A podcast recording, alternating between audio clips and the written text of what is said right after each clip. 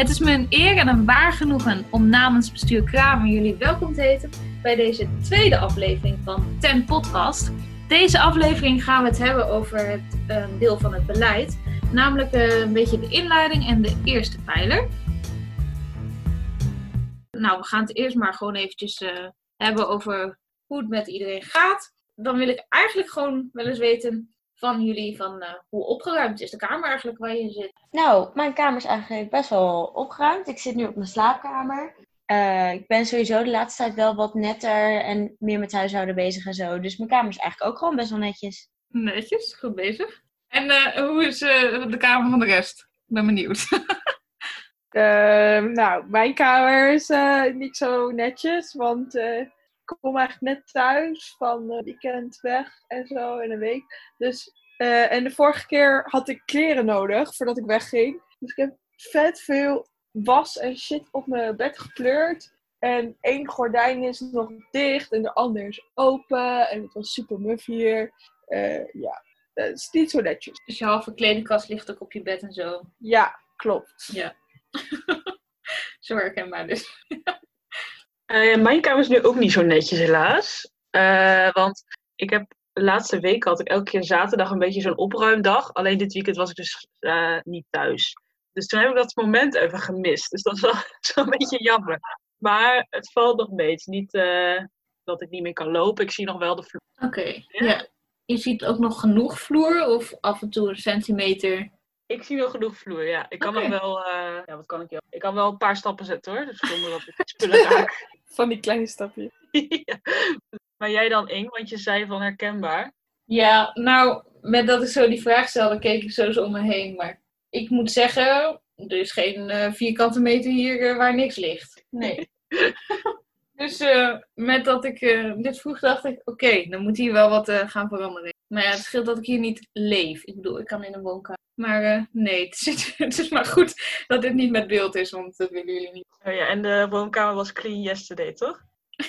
ja. ja, sorry, je mist dit. Ja. Ah, ja, die hebben wij ook in ons huis. Maar ja, dat is gewoon, maar het is voor de gang. dat is gewoon voor het idee van het huis, zeg maar. Ja. Bij ons is het altijd niet zo opgeruimd. Nee. En uh, bij jou, Bart? Um, nou ja, ik zit dus nog steeds bij mijn ouders. En ik heb allemaal spullen meegenomen uit Zwolle. En die liggen hier verspreid over de hele kamer heen. Um, dus ja, die is ook niet zo heel netjes. Wat voor spullen dan? Um, nou, vooral uh, wat tassen en wat uh, papieren, een laptop, wat opladers enzovoort. Dat allemaal van dat soort zooi. Gewoon uh, lekkere zooi dus. Ja, ja, best wel. Kun je, vind je het leefbaar? Ja, ik zit met mijn rug er naartoe, dus ik merk er niet zoveel van. Waar ik dus ook wel benieuwd naar ben. Staan jullie nu ook vroeg op ochtends? Of slapen jullie lekker uit tijdens deze hele coronatijd? Als je nergens naar... Uh, ik slaap uit. Ja, ik denk dat ik de afgelopen paar weken niet voor uh, 9 uur in mijn bed uit ben gekomen. En vaak later. Heerlijk. Sorry, ik vind het heel grappig dat je zeg maar eerst zegt van ja, ik slaap uit. En dan denk ik, oké, okay, 11 uur, 12 uur. dan niet voor 9 uur. Oké, okay, sorry. Ja, maar dat nou. is voor mij best wel uitslapen. Ik kan echt niet tot twee uur in bed liggen of zo. Dat kan ik gewoon niet. Nee, precies. Nee, dat zou ik ook niet kunnen. Nee, dan word je echt zo helemaal uh, wakker. Ja, dat is wel Maar voor hen drie keer is negen uur s ochtends gewoon midden in de nacht. Oh, eikel. dat is niet waar, dat is niet waar. Is gewoon halverwege haar... Uh, Hallo, ik, sla, ik ga ook... Uh, mijn wekker staat altijd acht uur, dus dat vind ik best vroeg. Oh, dat is heel netjes. Dat vind ik ook vroeg. Oh, maar netjes. ga je er dan ook uit? Dat is de grote vraag. Ja, ik heb wel even tijd nodig, maar ik uh, begin 9 uur uh, met mijn uh, stille tijd. Dus ik heb een uur. Netjes. Oh, begin met stille tijd ook? Ja, dat is mijn nieuwe, nieuwe levensstijl geworden sinds de afgelopen Oh. week. Cool. Ja. Goed bezig. Nice. En jullie? Ik uh, heb de laatste tijd wel veel uitgeslapen, denk ik. Maar elke keer denk ik, morgen ga ik vroeg opstaan. Maar dan volgens gaat mijn werken en dan denk ik, ja, nee, laat maar zitten. Maar vanmorgen ben ik wel op tijd opgestaan. Ook rond 8 uur. Alleen dat was eigenlijk niet zo handig, want ik sliep ook vannacht pas om 2 uur, half 3. Dus zeg maar, die timing is niet echt heel handig. dat ik dan eindelijk vroeg op ga staan als ik ook zo laat op bed lig. Heel slim, ja. Zo nagedacht, of niet? Ja, dat is uh, goed uh, uitgedacht inderdaad. ja. Zo'n weekplan. Ja. Nee. Ik uh, moet zeggen, ik ben heel wisselend in hoe vroeg ik opsta. Oké, dus best logisch misschien. Als ik moet werken dan, en ik heb ochtenddienst, dan moet ik dus heel vroeg uit. En dat vind ik echt verschrikkelijk. Dus de dagen dat ik dan niet hoef te werken, blijf ik lang uitslapen. Maar soms denk ik ook wel, ja, maar eigenlijk moet ik ook wel veel doen. Dus ik moet eigenlijk wel weer vroeg uit. Dus dan, maar wat is vroeg? En dan gaat om half negen de wekker. Dus dat betekent dat ik er half tien of zo uitga. Dat is wel netjes. Ja, ja vind ik Wat zeg je wel. nou? Om half negen gaat de wekker en om half tien ga je er dan uit? Ja, zoiets. Is Dus dan blijft een uur liggen. ja, weet je wat het probleem is? Dat ik ehm, dan een paar keer snoes en dan nog steeds niet echt merk dat de wekker gaat. En dan na een half uur of zo heb ik door dat de wekker gaat. En dan denk ik eens van, wacht eens, volgens mij moet ik eruit. En dan denk ik, ja, maar nu wil ik ook nog wel even een paar keer snoezen. En dan, ja, dan is het een uur later. Word je dan niet juist alleen maar moeier wakker? Dat zou heel goed kunnen. Ik heb dus, dat, als- als ik zeg maar ga snoezen, dan word ik alleen maar moeier. Dus als ik denk, oh ik ben zo moe, ik ga even snoezen. Ja, maar dan gebeurt dat. Dus Oké, nou dan gaan we nu door naar het eh, onderdeel om het te hebben over het beleid. Eh, dan heb ik als vraag voor jullie. Als je een wapen zou mogen kiezen om de goede strijd mee te strijden, welk wapen zou dat dan zijn? voor hamburgers. Jij zou voor de hamburgers gaan. Ja, want kijk, hamburgers, zeg maar, schijnt dus dat je er ook mensen mee dood kan slaan, als dat zou moeten in zo'n strijd. Maar je kan ook mensen ermee voeden. Hmm, Ja, goeie. dus dat is weer liefdadigheid. Ja, Lekker, Ja. bevroren hamburger. Killen with kindness. oké, dus jij zou voor de hamburgers gaan. Iemand anders. Nou, ik zat, ja, ik zat de Bijbeltekst nog even te lezen. En daar heb je natuurlijk die vergelijkingen van de waarheid als gordel, gerechtigheid als harnas en dat soort dingen, zeg maar. Mhm.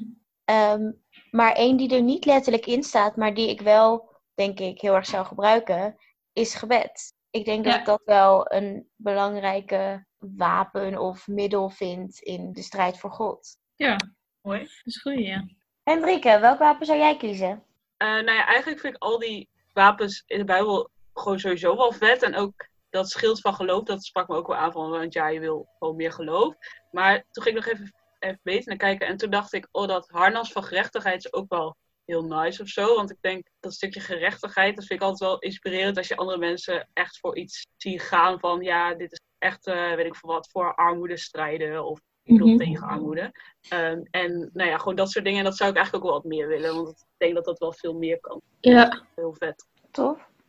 ja een soort houding of zo die je dan hebt. Ja. precies. En Bart, jij? Ik zat ook in de Bijbel te kijken en daar zag ik eh, draag als helm de verlossing. En dat vind ik ook wel mooi, dat je gewoon mag weten dat, zeker nu net na Pasen, dat Jezus voor onze zonde is gestorven en eh, dat wij daar die verlossing eh, ook mogen gebruiken. Ja, ja inderdaad. precies. Dat je dat altijd meedraagt of zo en niet vergeet. Mogen we boven ons hoofd houden. En jij Ingeborg? Ehm, ja, ik vind het nog wel een moeilijke. Om, want ik zit ook even de, die tekst te bekijken. Welke ik dan echt eh, me het meest aanspreekt. Maar ik denk nog ehm, het deel van draag bovenal het geloof als schild waarmee u alle brandende pijlen van hem die het kwaad zelf is kunt. Op een, een of andere manier spreekt me dat wel aan, zeg maar. Van dat je echt met het geloof ehm, eh, dat God echt zeg maar, je helpt bij het afweren van alle, alle duivelse dingen, bijvoorbeeld echt alle, al het kwaad. En dat dat echt wel brandende pijlen zijn of zo. Dat laat wel echt de heftigheid ervan zien of zo. Dat het best wel echt sterk is. En dat zo'n schild dat echt gewoon kan afweren. Dat vind ik wel heel tof, heel mooi of zo. En dat eh, Jezus dat dus kan doen. Dus ja, ik denk dat dat mij wel het meeste aanspreekt. Ja.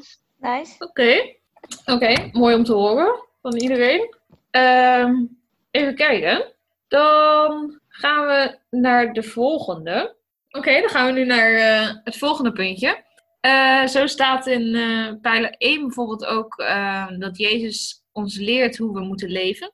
Maar denken jullie nu ook dat Jezus ons leert hoe we moeten besturen? Ik denk dat we zeker wel een voorbeeld kunnen nemen aan Jezus, ook in hoe we besturen. Ik denk sowieso in wat je prioriteiten zijn en hoe je met andere mensen omgaat. Dat je Ja. daar eigenlijk in elke situatie, maar ook zeker als bestuur, een voorbeeld aan kan nemen. En heb je er ook wel bijvoorbeeld een voorbeeld van waarin we dat dan echt kunnen zien van hoe Jezus dat deed? Ehm, nou ja, ik denk ook, m, nou, bijvoorbeeld wat ik net zei van waar ligt je focus op, weet je wel? Ook met je studentenvereniging kan je van alles doen en organiseren. En ehm, je hebt superveel leuke kansen en mogelijkheden en mensen die je Mhm. benaderen voor projecten of zo.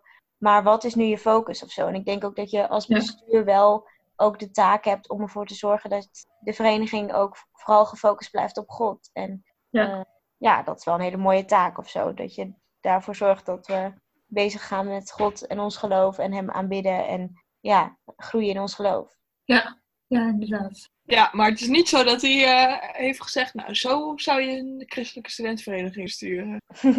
nee, dat was wel makkelijk Nee. geweest. Ja, kijk, als je gewoon een perfect voorbeeld hebt. Dat is der Ja.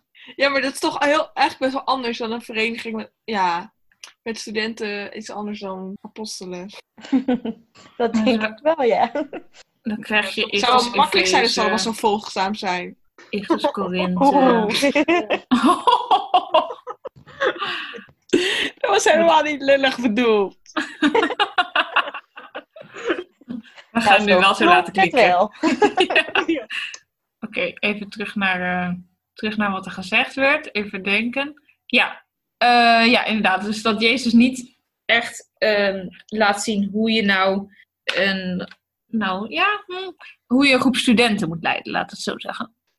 Nee, niet letterlijk. Nee, maar hij onderrichtte wel mensen natuurlijk. Ja, en zeker Oh. dat wat Ja. Kirsten ook zei, gewoon ehm, wel proberen de focus op God te houden voor de hele vereniging. Dat is denk ik wel een van de belangrijkste taken ook voor een bestuur van een christelijke vereniging. Ja, Ja, en in de Bijbel staat natuurlijk ook wel heel veel van wie een kerk moet zijn. En op zich is het natuurlijk niet onze kerk. Maar het is natuurlijk wel ook een groep mensen die wil groeien in het geloof. ja, Dus ik denk dat we daar ook wel veel van kunnen leren of zo. Dus dat stukje naaste liefde. En dat je bijvoorbeeld dat met dat lichaam, dat je elkaar aanvult en zo. En dat soort dingen. Ja, als je, nu je dat zegt, hè. Ik moet dan dus altijd bij het stukje kerk zijn ook wel een beetje denken aan, dat volgens mij staat ook ergens, van dat je ook mensen moet vermanen. En dan denk ik wel eens, nou, daar zijn we Nederlanders volgens mij zo slecht in. Ik heb volgens mij, nou, Ja. dus denk ik echt op twee vingers te tellen hoe vaak ik dat heb meegemaakt dat iemand dat heeft gedaan. ja, mensen durven dat niet meer tegenwoordig. Nee, terwijl het staat er wel. Dus het zou wel Ja. moeten eigenlijk. Ja, Ja, maar dat is ook wel echt wel lastig hoor. Want heel snel dan ga je oordelen over iemand anders.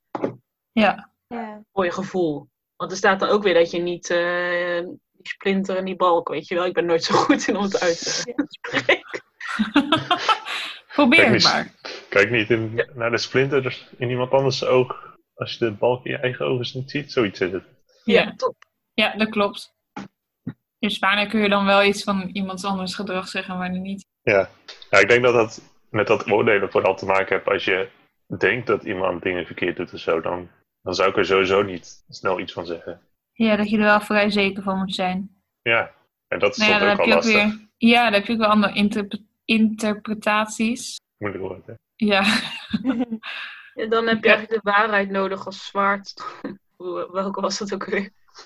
Twee Oké. snijdend zwaard. Nee, de waarheid was de gordel. Dat was de gordel, ja. Dat is ook slecht. Ik denk dat het ook heel erg ligt aan je intentie of zo. Van als het jouw intentie is niet om iemand de grond in te drukken, maar om juist eh, iets onder de aandacht te brengen, zodat diegene kan groeien of dichter bij God kan komen. Dat is iets anders, zeg maar, dan dat jij een oordeel hebt over iemand van, oh, jij doet dit verkeerd en nu- ik vind je slecht of ik vind je zondig. Of dat, ik denk dat dat ook wel heel erg uitmaakt, hoe je het benadert. Ja. Ja, Ja, dat sowieso, ja. Oké, dan eh, nu de laatste vraag. Merken jullie nu binnen Ichtes dat er al een sfeer hangt waarin bidden voor elkaar normaal is? Merken jullie daar al een omslag in of een groei in? Of... Ehm, ja, ik denk dat ik wel merk dat het al heel anders ligt dan vorig jaar. Ja. Dat merkte je in de eerste paar weken al wel. Mhm. En misschien is het ook omdat ik vorig jaar natuurlijk, toen was ik eerstejaars, dus dan is het zo allemaal, allemaal sowieso nieuw. En let ik er misschien minder op met die eh, gebedsgroep Mhm. dan dit jaar. Dus misschien ligt het voor mij daarom nog, nog weer een stuk grotere groei in of zo. Maar ik heb wel het idee dat het eh, wel meer is dan vorig jaar. Mooi, dat dat verschil al inderdaad wel te merken is. Eh, ervaart de rest dat ook? Of eh, zien jullie andere dingen? Ik denk ook wel dat als er nu bijvoorbeeld dingen met elkaar worden gedeeld of zo, dat er bijvoorbeeld iets makkelijker tegen elkaar wordt gezegd van, eh, oh, oké, ik zal voor je bidden. Of eh, Ja. Ja, dat soort dingetjes. Dus misschien niet eens meteen, niet dat er zeg maar elke vijf minuten dat er Ichtianen in de hoek staan te bidden, maar wel dat mensen er wat makkelijker misschien ook over praten of Ja. ehm, gebed aanvragen of inderdaad gewoon tegen iemand zeggen van, hé, hey, ik zal voor je bidden. Ja. Ik heb het idee dat dat wel iets meer is gekomen. ja, dat herken ik wel, ja. Ook bij mezelf denk ik wel, hoor. Dat je eerder zegt van, hé, hey, ik zal voor je bidden. Of eh, dat je dat wel meer hoort, inderdaad. Ja, dat klopt Ja. wel. Ja, en ik vind het ook wel mooi dat, eh, dat je dan dat gebedsteam hebt die ook gewoon echt voor mensen aan het bidden is. Vind ik ook wel vet. Ja. Ja, klopt. En het is ook wel omdat je natuurlijk als bestuur ben je er ook gewoon wel meer mee bezig of zo. Dus dan zit je er meer in. Mhm. Maar je weet natuurlijk niet hoe het bij de hele vereniging gaat of zo. Nee. Maar of het overal gebeurt. En dat is ook wel weer moeilijk te zien of zo. Weet je wat ik ook wel tof vind? Eh, Nou? Die gebe- de gebeden in de Discord met z'n allen. Ja, vind ik ook heel tof. Ja, echt. Daar, ja, dat geeft een bepaalde vrijheid of zo bij mensen, lijkt het ook wel. Dat Ja. iedereen gewoon zelf zijn eigen dingen kan delen zonder dat het zichtbaar is dat je het he- voor een hele groep deelt of zo. Ja, precies. Ja. En toch wel heel erg gevoel dat je het samen doet. Of... ja klopt. Oké, dit was hem alweer eh voor deze aflevering. Eh, in aflevering 5 willen we graag een Q&A doen. Maar daarvoor hebben we jullie vragen nodig. Dus heb je leuke vraag aan ons of aan een van ons, stuur hem dan naar eh, een van ons door en dan eh, krijgen wij hem wel binnen. En dan kunnen wij hem gaan beantwoorden voor je in de laatste aflevering. Ehm, nou, ik zou zeggen, geniet nog van je dag. Geen idee of je aan het eind van je dag bent of nog aan het begin of halverwege. Maar een hele fijne dag en we zien je bij de volgende aflevering.